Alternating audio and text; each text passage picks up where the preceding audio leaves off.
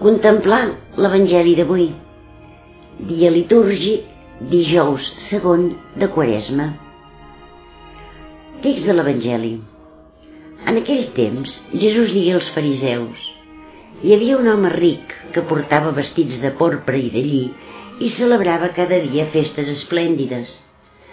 Un pobre que es deia Llàtzer s'estava ajagut vora el seu portal amb tot el cos nefrat esperant de satisfer la fam amb les engrunes que queien de la taula del ric. Fins i tot venien els gossos a llepar-li les nafres. El pobre va morir i els àngels el portaren al costat d'Abraham. El ric també morí i el van sepultar. Arribat al rialme de la mort, enmig de turments, alçà els ulls i veia de lluny Abraham amb Llàtzer al seu costat. Llavors va exclamar Abraham, pare meu, tingues pietat de mi i envia Llàtzer que mulli amb aigua la punta del seu dit i em refresqui la llengua, perquè sofreixo terriblement enmig d'aquestes flames.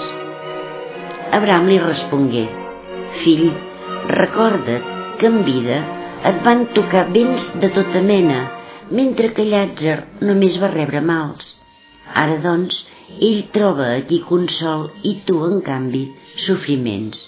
A més, entre nosaltres i vosaltres hi ha oberta una fossa tan immensa que ningú, per més que vulgui, no pot travessar d'aquí, on som cap a vosaltres, ni d'on sou vosaltres cap aquí.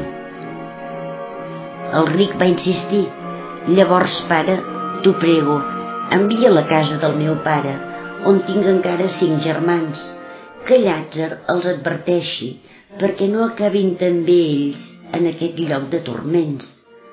Abraham li respongué, ja tenen Moisès i els profetes, que els escoltin. El ric insistia encara, no, pare meu Abraham, no els escoltaran, però si un mort va a trobar-los, sí que es convertiran.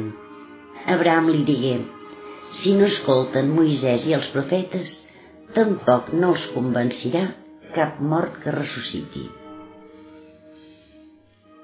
Comentari mossèn Xavier Sobrevia i Vidal Sant Boi de Llobregat, Barcelona Si no escolten Moisès i els profetes, tampoc no els convencerà cap mort que ressusciti.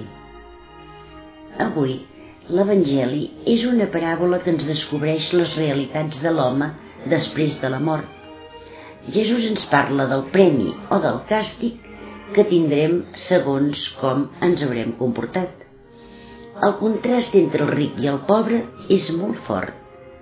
El luxe i la indiferència del ric, la situació patètica de Llàtzer amb els gossos que li llepen les úlceres, tot té un gran realisme que fa entrar a l'escena. Podem pensar, on estaria jo si fos un dels dos protagonistes de la paràbola?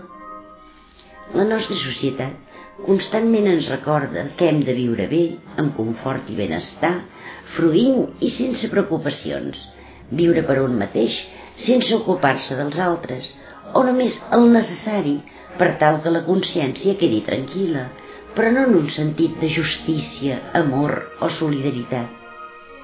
Avui se'ns presenta la necessitat d'escoltar Déu en aquesta vida, de convertir-nos i aprofitar el temps que ell ens dona.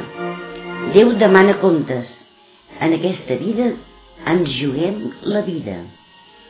Jesús deixa clara l'existència de l'infern i descriu algunes de les seves característiques.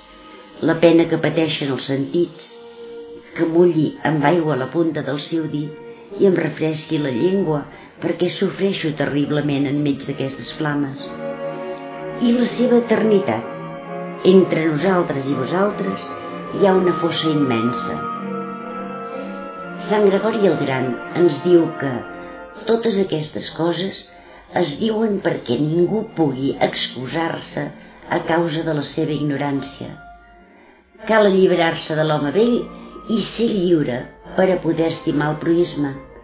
Cal respondre al patiment dels pobres, dels malalts o dels abandonats.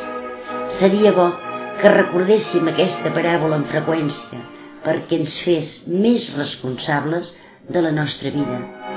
A tots ens arriba el moment de la mort i cal estar sempre preparats perquè un dia serem jutjats.